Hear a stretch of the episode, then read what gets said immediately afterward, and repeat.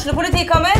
Ine Jansen er purk. Er du purk? The motherfucking bitch. Alt jeg vil, er å finne ut hva som skjedde med mannen min. Jon Carew, Er jeg sikta for noe? Iben Akeli, Det er du. Ole So, Lars Berrum og Big Daddy Karsten. Hvem sin side er du på, egentlig? Anette Hoff, Tone Danielsen, Kommer du fra Afrika? Jørnis Josef, Nesten. Kløfta. Trond Espen Seim, Det er synd å si det, men det var feil mann som døde. Purk. Premiere tirsdag på TV2 Play. Hei, og velkommen til en ny episode av Debrif med Dag Sørås. Jeg lurer faen meg på om jeg er et eh, relativt ræva menneske. Jeg spurte akkurat om, eh, om hjelp. Eh, Eller jeg, lufta en frustrasjon på det helvetes Twitter. Om jeg har akkurat skifta eh, mobiloperatør, og det skal ikke ha noe å si for den jævla bank-ID-en. Men den funker plutselig ikke. Jeg får det ikke lagt inn, og, så jeg bare skrev sånn eh, Hei, er det noen som vet hva, hva denne feilkoden betyr for noe? Og så er det en fyr som svarer, og han har tatt et screenshot, og han har tegna rundt. Og så er det sånn Jeg skjønner at du prøver å hjelpe, men, men tror du når, når jeg går til det steget hvor jeg spør eh, offentlig om eh, fuckings assistanse, tror du ikke at jeg har googla først? Jeg er vel ikke en av de idiotene som er Hei, du kommer du til Fredrikstad? Ja, absolutt. Uh, gå inn på hjemmesida mi og se. Men, men tror, selvfølgelig har jeg googla, og jeg måtte bare svare ja, det der funker hvis du bor i fuckings Danmark. Se nå på hva du sender meg for noe. Du må legge inn mobil i det. Ja, det finnes ikke i Norge. Det er, det, det er en dansk bank sitt jævla svar. Og det tar altså opp Jeg, jeg klarer liksom Jeg vet da faen om det er et forsøk på å, å ikke ta tak i viktigere problem, eller bare unngå å gjøre noe fornuftig med dagene mine. Men når det, det blir sånne tekniske feil jeg, jeg klarer ikke å Altså oppriktig, jeg klarer ikke å sette meg ned og lese ei bok, eller engang se på en serie. Jeg klarer ikke å gjøre noe før jeg får ordna opp i faenskapet. Og det at den fuckings bank-ID-en ikke funker Jeg har ikke skjønt hvor avhengig jeg var av det, for jeg vil, jeg vil ha det bank-ID på mobil. Og jeg skifta mobiloperatør, så ble det noe kødd, så jeg sletta den, og nå denne går jo ikke an å få tak i igjen. Og det fuckings bank-ID-pisset funker faen ikke. Jeg får ikke lagt inn, og jeg må kontakte banken. Og selvfølgelig, de vet jo ikke om jeg er eh, eh, Altså, de vet jo ikke hvordan de, de kan jo selvfølgelig tro at jeg er stokk fuckings dum. Det er vel derfor de må si hei, har du satt i kontakten før du Du sier at eh, mikroen ikke funker, har du satt i kontakten? Ikke sant, på det der jævla nivået. Så jeg sier, jeg vet, jeg har gjort alt. Jeg har avinstallert appen og restarta telefonen og slått den på igjen. Jeg har gjort alt som går an å gjøre. Jeg har til og med prøvd å legge inn bank-ID. Den funker ikke engang på nettbrettet mitt. Så et eller annet er jo fuckings galt der, og jeg vet ikke hva det er for noe. Og de er sånn, ja, men vi ser her at vi skal, vi, må, vi ser her at du er registrert med en gammel bruker, så de sletta den, og det funka ikke. Og i dag måtte jeg faen meg trappe opp fysisk i en bank. Når gjorde du det sist? Nå var du i en i, så, liksom, Jeg kan føle meg eh, Sånn som hvis jeg leser ei fysisk papiravis på T-banen, så føler jeg meg som en gammel kuk. Men det, det er jo ingenting i forhold til for et jævla fossil du føler deg som hvis du vandrer inn i en fysisk bank for å få hjelp. Men da jeg trengte sånn jævla kodebrikke, for hvem i faen vet hvor man har kodebrikken hen? Jeg får ikke betalt regning, jeg får ikke bestilt det, jeg, kan ikke gjøre noe. Jeg kan jo gjøre ting, jeg kan jo gå en tur ut i skogen og bare nyte tilværelsen, men det er jo selvfølgelig fuckings uaktuelt, før jeg får fiksa den jævla forpulte bank-ID-appen. Og så til slutt så, ja ok, så jeg får den kodebrikken, og da sier han, jeg ser her at du er registrert med å ha slått inn feil eh, passord mange ganger. Jeg bare, nei, det har ikke skjedd. Liksom, og, og hvis det stemte, hvorfor kommer ikke det opp da? Jeg får, jeg får, jeg slår inn personnummeret, og så går jeg på registrer det, jeg får slått inn kodene, og så stopper det, og så står den bare og går til sesjonen er fuckings utløpt. Så jeg vet da faen hva som, hva som er problemet. Og så tenkte jeg, kan det ha noe med mobiloperatøren å gjøre, fordi jeg har akkurat skifta mobiloperatør, og jeg har kontaktet dem, og de har ingenting med det å gjøre. Jeg, det var jævla mistenkelig at det skjedde akkurat samme dagen, så jeg gikk over til dere, men det får nå så være. Jeg får ikke gjort en dritt. Så går jeg inn i nettbanken og, eh, og, og, og tenker sånn, der kan du jo deaktivere eller sperre bank-ID. Så jeg tenkte, da gjør jeg det, og så åpner jeg den igjen. Men nei da, når du har sperra den, da må du kontakte banken for å åpne den igjen. Hva i faen er poenget med det? Jeg logga meg inn i min egen jævla nettbank og sperra bank-ID. Hvorfor kan ikke jeg åpne den opp igjen? Hvorfor må jeg snakke med noen jævla dildoer? I tillegg Den fuckings nye telefonen som jeg hadde i eh, ei uke, den er jævla fast Altså, det skal jo være Det er en sånn jævla Hva faen er det? S23 Ultra. Det, skal jo være superrask lading. Og igjen, så, så, så, jeg legger ut, liksom Igjen, jeg, jeg, jeg, jeg søker assistanse. Så jeg skriver Er noen som vet hva faen som foregår når den fucking superraske ladinga plutselig ikke funker? Det er sånn Ja, hvilken lader har du? Har du prøvd forskjellige ladere? Har du ei ordentlig ledning som kan eh, Som støtter fast Selvfølgelig fuckings har jeg det, for helvete! Jeg har prøvd alt. Jeg har prøvd tre forskjellige ladere, og alle er Adaptive fast charging, eller hva faen det heter. Det, det skal komme opp er superrask lading, skal det stå.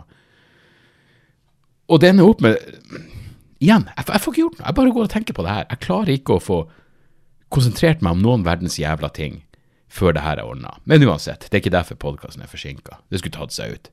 Klarte ikke engang å spille inn noe fordi jeg kjefta på meg sjøl over forpulte jævla bank-ID.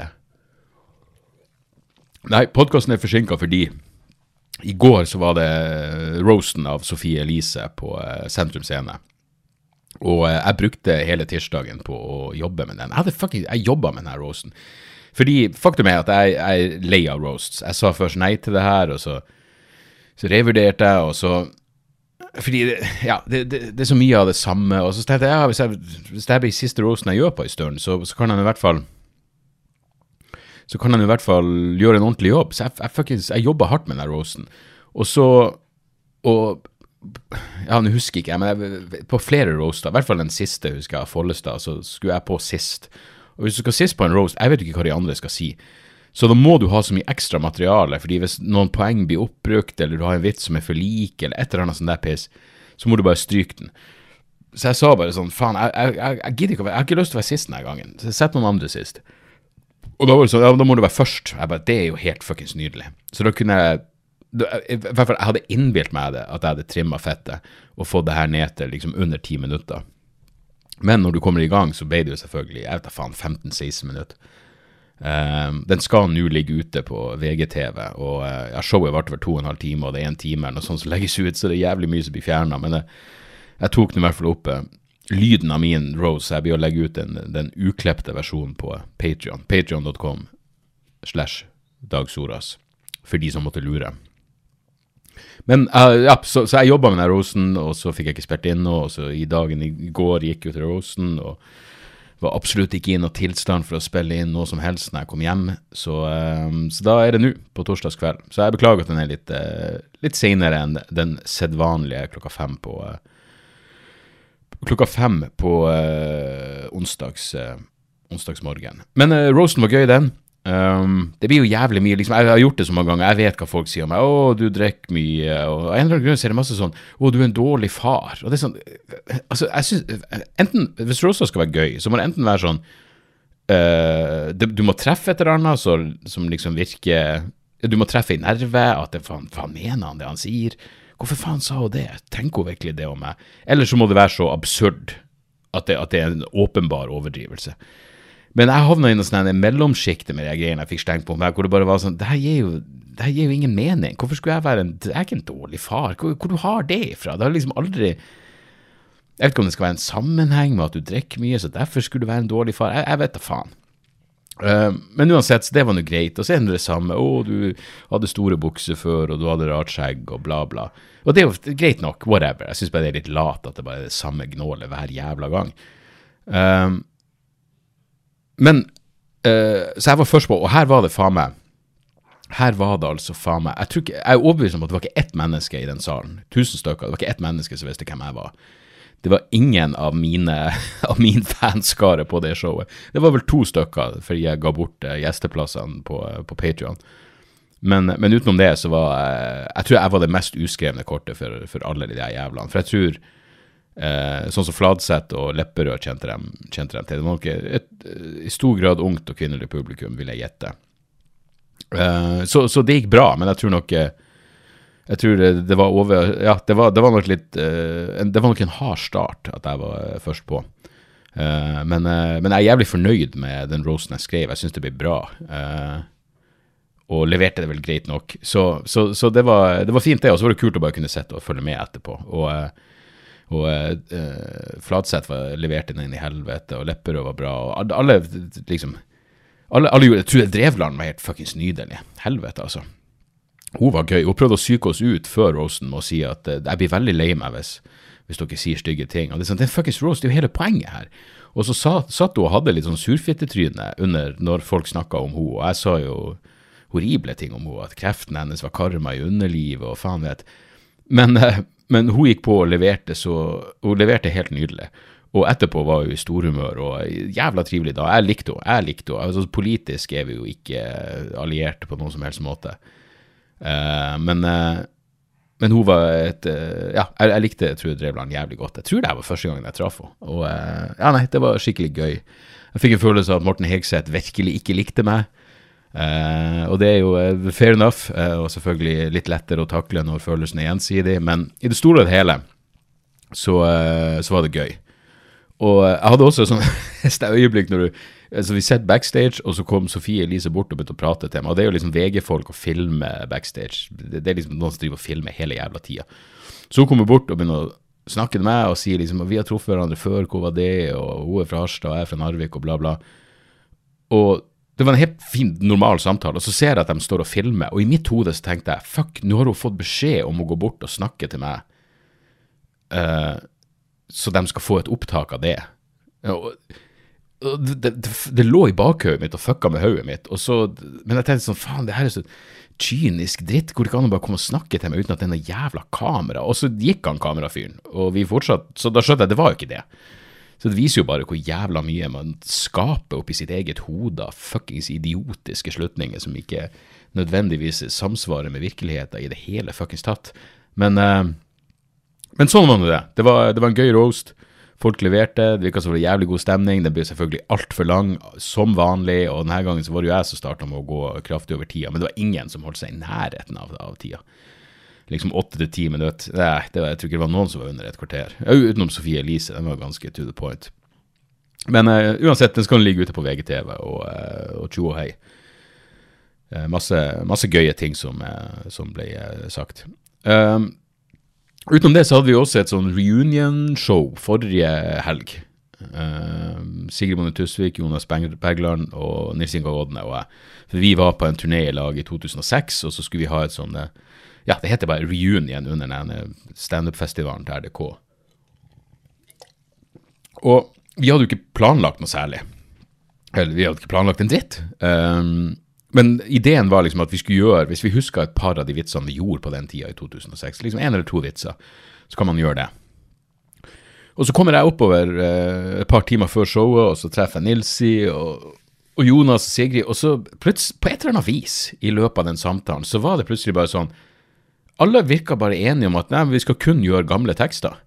Og mitt problem er at jeg husker jo jeg husker jo ikke hva som hadde skjedd dagen før. Jeg husker faen ikke mine gamle tekster. Og dæven hvor jeg måtte begynne å lete i hodet. Men jeg hadde jo prøvd å finne frem et par gamle, og det er rart, altså. Det ligger der bak langt bak i skolten. Det er jo faen meg nesten 20 år siden det her. Men jeg klarte nå å, skrape sammen å skrape sammen et sett på eh, Vi gjorde vel ti, ti, ti, minutter gammelt materiale hver. Det eneste som var litt rart, var at vi hadde sånn fellesgreie på eh, uh, Vi hadde en fellesgreie før show hvor alle var på scenen liksom forklarte opplegg, og at vi var på den turneen. det var ganske gøy. Jeg husker jeg sa til Nils sånn, fordi under den, i den tida når denne sommerturneen var, da, som var en måned eller to i juni-juli eller et eller annet, så var farsan veldig sjuk, han hadde kreft. Uh, men i løpet av denne, men jeg var jo, jeg var jo på denne turneen, da, og Nilsi, på sida av denne standup-turneen, så var han på en Se og Hør-turné. Så på dagtid så var han på scenen og rappa la med en eller annen Idol-vinner, og så på kveldstid gjorde han showene.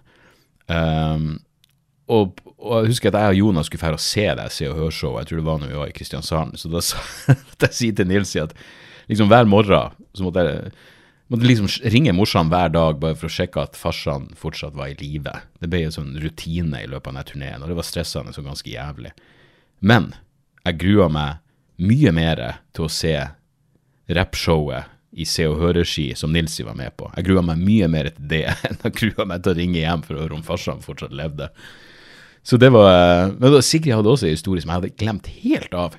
Uh, fordi uh, når vi starta starta turneen, så måtte vi finne ut ok, vi skal kjøre. Eh, det var ikke noe, Fly var absolutt ikke i det her ikke-eksisterende budsjettet.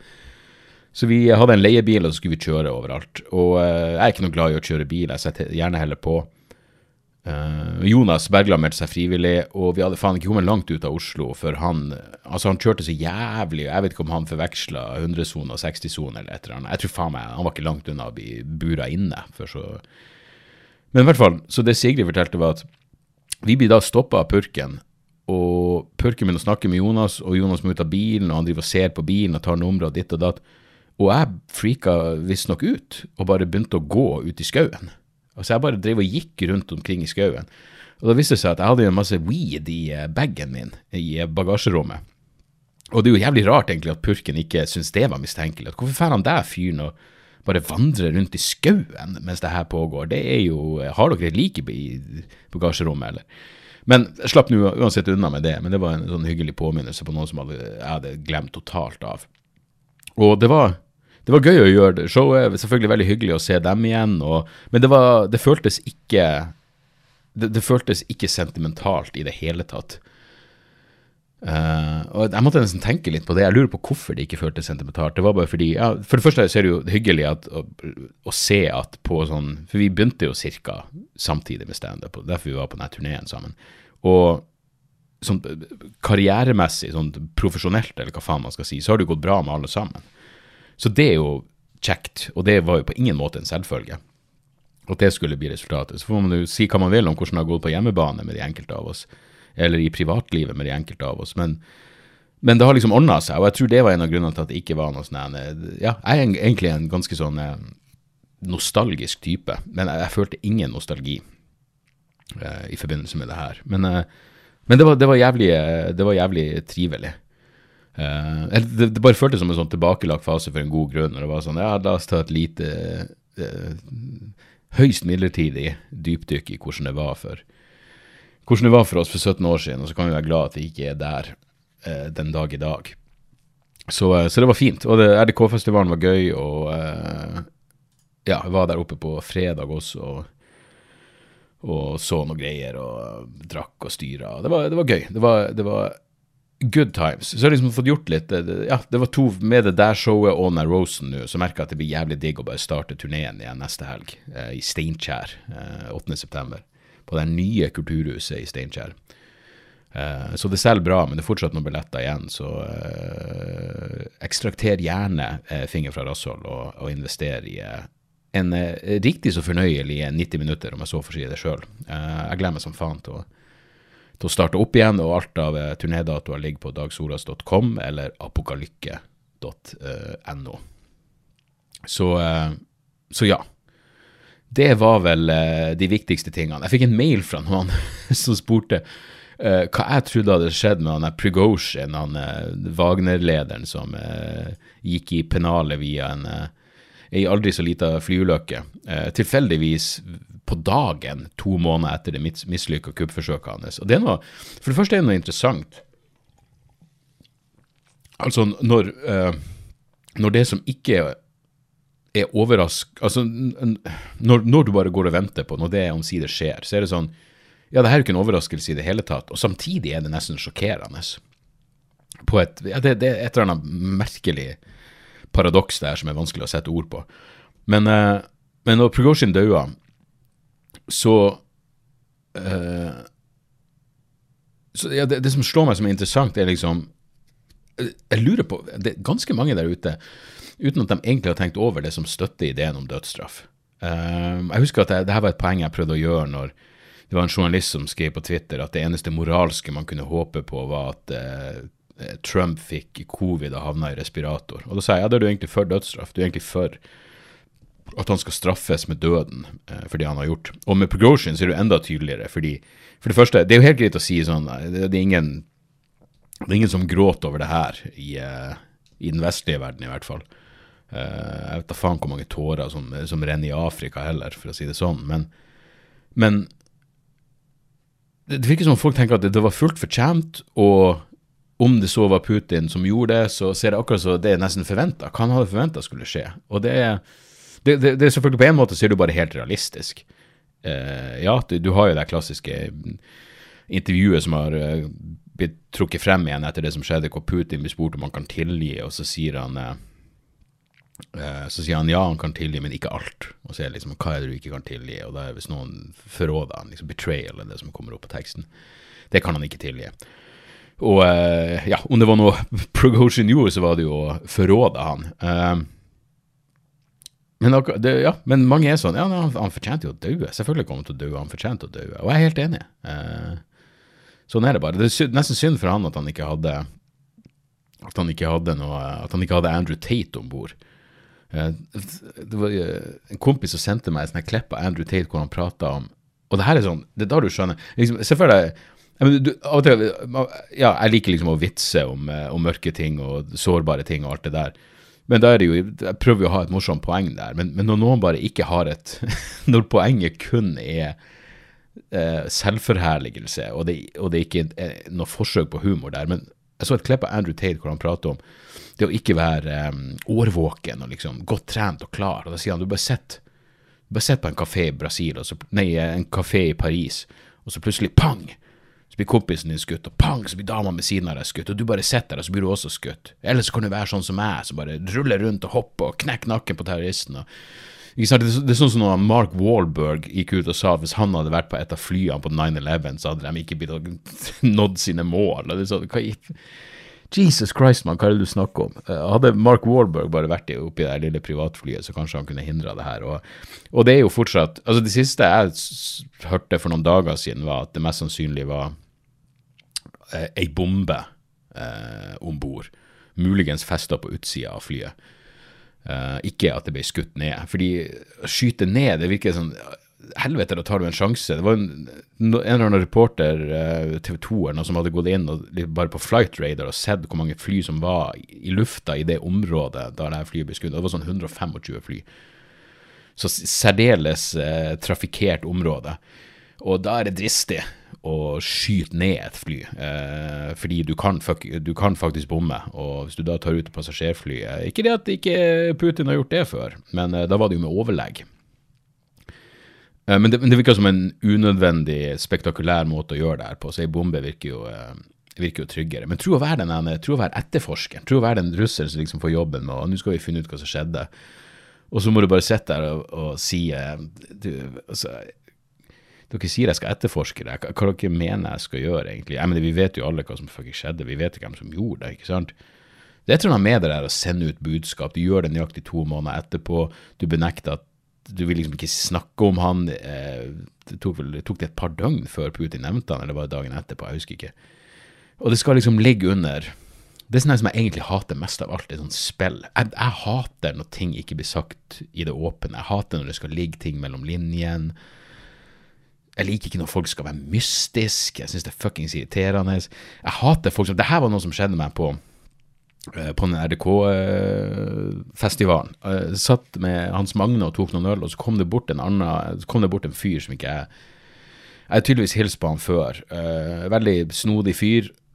Og så gikk han for å kjøpe seg øl, og så var jeg sånn Hva, hva er greia med han her? Uh, han er for så vidt en, han er vel en relativt kjent person også, men da, da sa bare Marlene som var der, han er i karakter. Han er bestandig i karakter. Og så er jeg sånn ok, ok, Han er i karakter? Og så, og så spurte hun sånn ja, hvordan forholder du deg til sånn? Jeg bare det gjør jeg ikke. Jeg nekter å snakke med folk som er i karakter. Jeg bare unngikk han etter det. Jeg nekter å snakke til han. Jeg gidder ikke folk. Altså, jeg er en voksen mann. Skal jeg stå og snakke med noen som la, Skal jeg stå og snakke med noen som driver med skue, rollespill? Når jeg prøver å ha en samtale med dem. Vi er voksne folk, for faen. Snakk til meg som det mennesket du er, eller hold fuckings kjeften, for jeg har null jævla interesse. Hater folk som gjør seg til og skal å, jeg er litt wacky, eller jeg er jo rare, eller jeg er han som stirrer jævlig lenge og tar ekstremt lange pauser. Ja, ja, hvis, hvis du har en eller annen mental defekt som gjør at du stirrer på meg i 30 sekunder før du svarer på et spørsmål, greit nok, men hvis du gjør deg til, da kan du fuck off. Jeg gidder ikke det her, jeg orker ikke. Snakk som et vanlig menneske. Altså, det, kanskje det er at man blir eldre, og så innser man at hei, man har, man har begrensa med tid igjen. Og ikke faen om jeg skal bruke noe av den tida på å sitte og prate med noen som er i karakter. Nei, det er altså så jævla Da, da prater jeg heller med noen som er overfladisk. De er i det minste ekte. De er jo ekte i sin overfladiskhet. eh, mye lettere å forholde seg til. Ellers så nærmer det seg jo eh, valg, lokalvalg, og jeg vil fortsatt Jeg har ikke bestemt meg.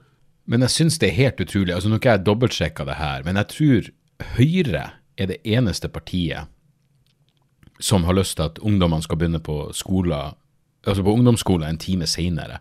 Fordi all fuckings forskning Her er det ikke noe kontrovers. All forskning tilsier at det vil være bedre for hjernen deres, bedre for læringa deres. Det vil være Altså, når du er i tenårene, så har den uh, si, døgnklokka di, døgnrytmen din, blir annerledes. Det er vanskeligere å sovne i rett tid, og det ville vært på alle måter bedre om de starta en time senere. Det, det, er en så fuckings no-brainer. Hvorfor i helvete skal det være så vanskelig å få til? Hvorfor skal man overkomplisere ting? Er ikke det en enkel greie? Å ja, så Jeg mener, er, er, det noen som bestrider den forskninga som er lagt til grunn her? Ikke det, ok, men kan vi ikke da bare implementere det? Også hvis det da kommer ny forskning som plutselig snur paradigmet helt på hodet, så kan vi da, da kan vi gjøre en ny vurdering igjen. Men hvorfor i faen er det bare Høyre som har lyst til å høre på? Hva, er jeg, jeg, jeg, skjønner ikke det. Men så er det jo andre grunner at jeg kan ikke stemme på Høyre pga. skolepolitikken. Og eh, fruen var på, eh, på foreldremøte på, eh, på skolen her eh, i går. og da hadde læreren sagt at det var flere lærere eh, på trinnet, da, her tiendetrinnet, som var mot lekser, og som gjorde alt de kunne for å tilrettelegge sånn hvis du gjorde det du skulle i skoletimen Fordi de har så jævlig lange skoledager, ikke sant? I, i dag det er kvart over tre. Så skolen spiser opp nok fuckings ah, Det her, dere vet. Hør, hør episoden med Ole Martin Moen for noen uker tilbake for å få en oppklaring, hvis dere lurer på hva, mine innvendinger mot lekser, hva de handler om. Uh, men der er jo Høyre garantert ikke. De, jeg, jeg, tror de vil ha mer lekser. Så det, det, det, gjør det vanskelig. La oss si da skole var uh, noe av det viktigere for meg, og det er det jo. Fordi, ja, det gjelder jeg har, Først og fremst jeg har en sønn som går på skole, ikke sant. Uh, men også av ja, ja, hør den jævla episoden. Men hva skal jeg da, hva skal jeg vektlegge da? Eh, senere skolestart eller alt det andre eh, pedagogiske tilnærmingen og humankapitalistiske tilnærmingen som er ja, en kraftig motstander av. Uh, det er avveininger som må gjøres, men, men, men sånn som ting er nå, jeg, jeg heller mot MDG. Jeg må, bare, jeg må, bare, innrømme det, altså. I lokalvalget så, så heller jeg mot, uh, mot, MDG, for jeg vet ikke helt hvem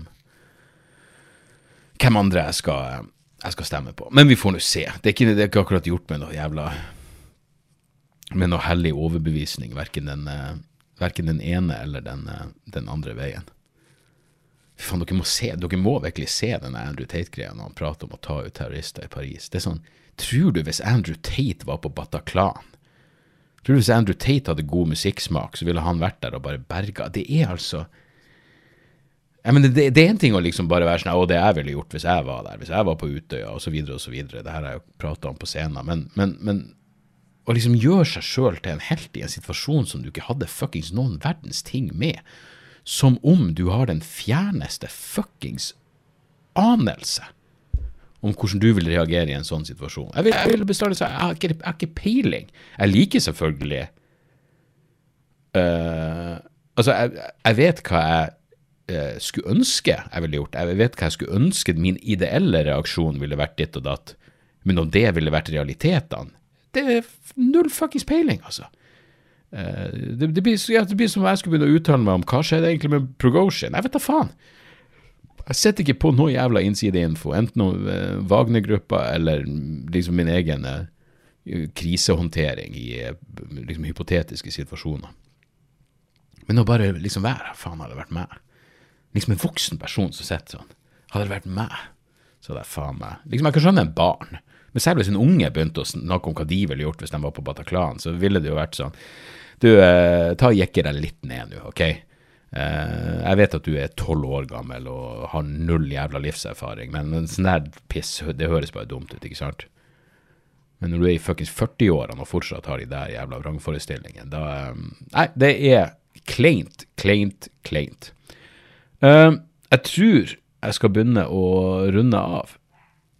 Uh, jeg hadde faen Jo, det må jeg bare si. Jeg hadde en jævlig Jeg har jo de der Jeg har jo de der uh, hva man skal kalle det. De er rare av og til, sånn som alle har, da. De er Å, for en rar tilfeldighet, og liksom og, Ja, simuleringsteori og det, Sånn som jeg prater om det, der, at jeg aldri hadde hørt om noen som Jeg hørte på Bill Burr sin podkast, han pratet om at noen hadde peanøtteallergi på flyet, og så Og så um, tenkte jeg det har jeg aldri opplevd i alle de årene jeg har flydd. Og så neste flyturen jeg var på, så var det noen som hadde peanøtteallergi, og så gikk det lang tid hvor, hvor jeg, jeg, ikke opplevde det igjen. Og så prata jeg med en kompis om det på veien til Flesland, og så fortalte jeg en Bill Burr-historie om rare tilfeldigheter, og så var det faen meg noen på det flyet som også hadde nøtteallergi. Så det, ja. Jeg satt og så en dokumentar som heter A Glitch in the Matrix.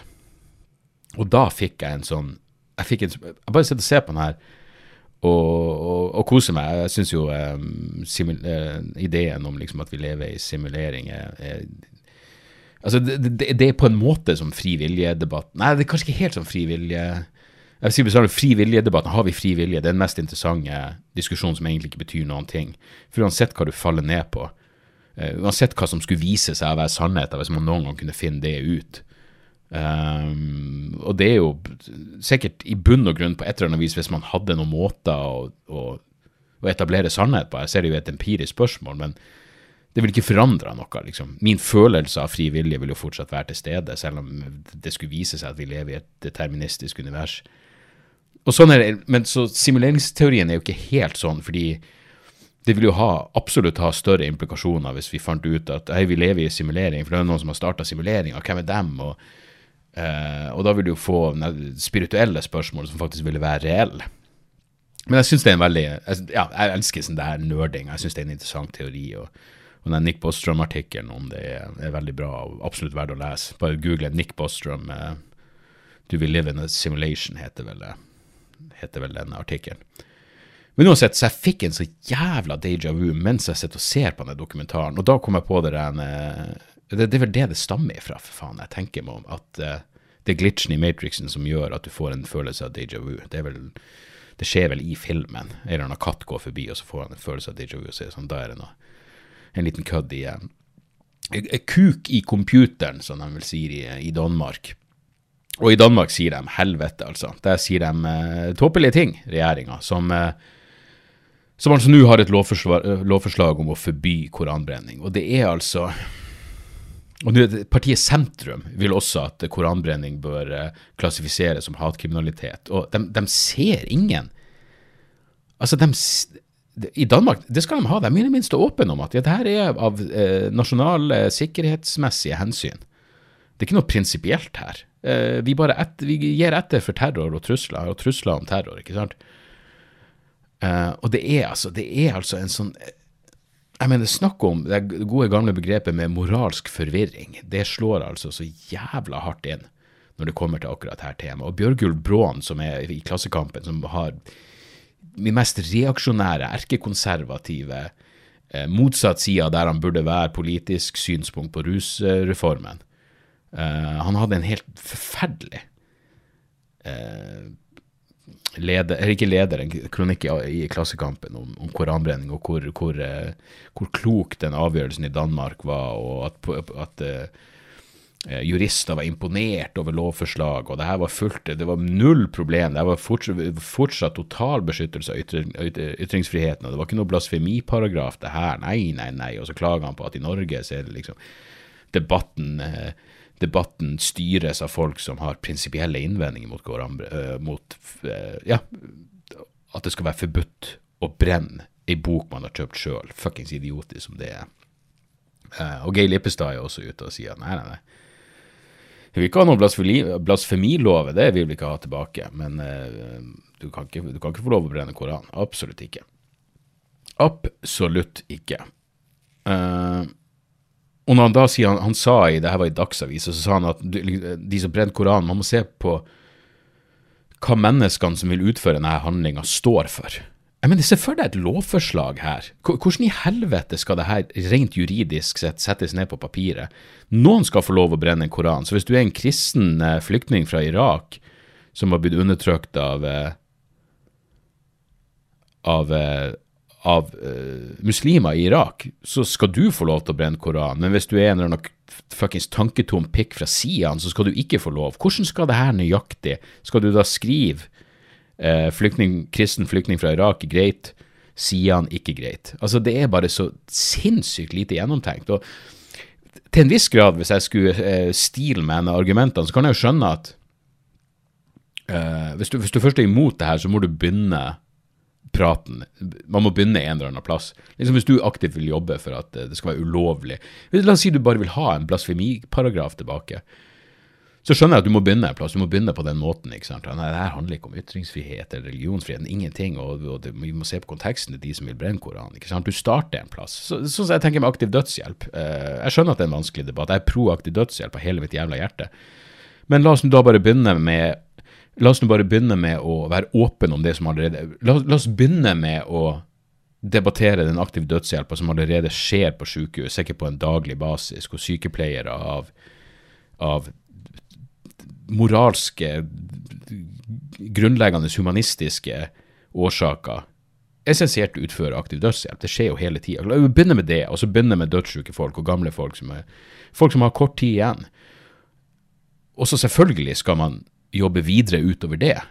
Men bare for å begynne en plass, for å få debatten i gang. Så, så ja, hvis det er det Lippestad vil, at vi bare skal starte debatten, så er jo det greit. Men uh, det er vel én av en milliard grunner til å ikke stemme på, på partiene hans uh, uansett.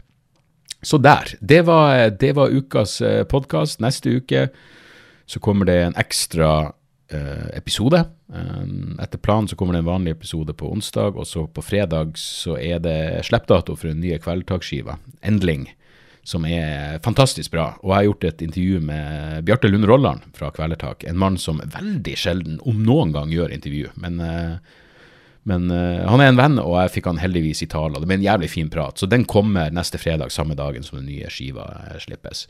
Så, uh, så det, det, blir mer content. jeg har også spilt inn en Jeg har en episode som En ekstra episode til som skal komme ut. jeg har to faktisk til. Jeg har tre episoder. Tre prater, skråstrek intervju.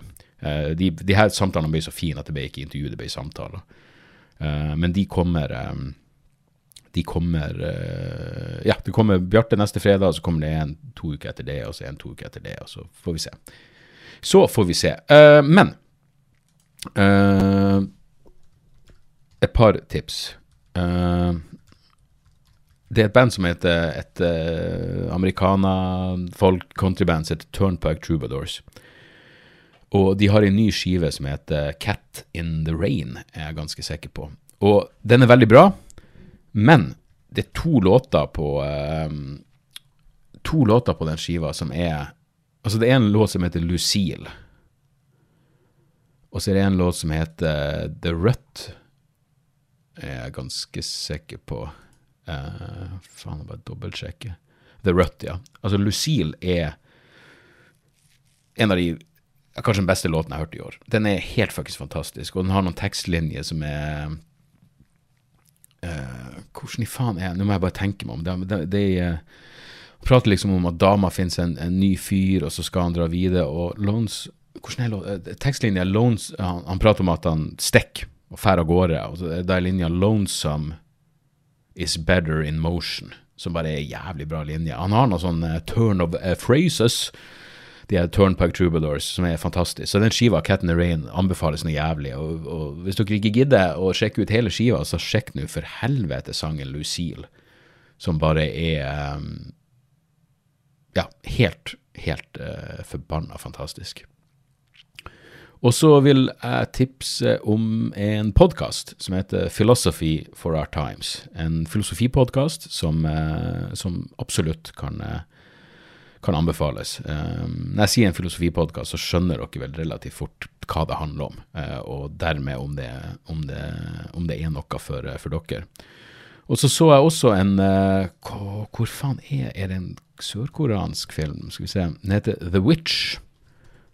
Og den var altså jævlig jævlig fin. Den er noen år gammel. Skal vi se den fra Ja, her må vi ikke forveksle, for faen. Uh, for du har jo den horrorfilmen The Witch, som jeg ærlig talt eh, sleit med Faen, altså det er en film jeg må se på nytt igjen. Altså Den, eh, den horrorfilmen The Witch. Den må jeg se. Jeg husker at det var jævlig stemning på den, men uh, det var et eller annet. Den, det var noe som var off med den. Men på den andre sida så skjønte ikke jeg Hereditary første gangen jeg så den heller, og nå ser jeg på det som et, en, et mesterverk av dimensjoner. Men det her er en film, film som heter The Witch, The Subversion. Uh, Manieo. M-a-n-y-e-o er originaltittelen om en eh, high school student med hukommelsesproblemer som prøver å finne ut hva som skjedde med henne, og så viser det seg masse interessante ting. Og det er Det var sånn underveis, den er ganske relativt lang, så vidt jeg husker. Det var sånn to og en halv time.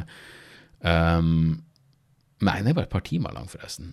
Fra 2018. Um, det var akkurat så jeg holdt på å dette av i stund og var litt usikker. Jeg var litt usikker i starten på er det, er det her min type film. Og så ble den bare Helvete, altså. Uh, ja, det er kanskje den første timen som er litt chill, og så tar det bare helt av. Og det er nydelig voldelig, og det er faen meg Jeg tror jeg flirte et par ganger også. Uh, altså, denne filmen er en uh, total jævla tripp. Jeg mener, asiatisk film er jo Jeg ser en sørkoreansk Asiatisk film er jo på sitt beste helt jævla fantastisk. og denne filmen ja, storkoser meg noe så jævlig med den, så den kan anbefales. Det er også en The Witch 2 som jeg ikke har sett ennå, men det skal jeg faen meg få gjort i løpet av helga. Så, så der. Det skulle være litt å, um, å sjekke ut for enhver smak. Um, takk for at dere hører på. Uh, gå inn på hjemmesida mi og sjekk uh, turnédatoene og møt gjerne opp på show. Jeg har lyst til å se dere der. Og uh, utenom det så håper jeg alt står bra til. Vi høres snart igjen. Tjo og hei. Har du et enkeltpersonforetak eller en liten bedrift? Da er du sikkert lei av å høre meg snakke om hvor enkelt det er med kvitteringer og bilag i fiken, så vi eh, gir oss her, vi. Fordi vi liker enkelt. Fiken superenkelt regnskap.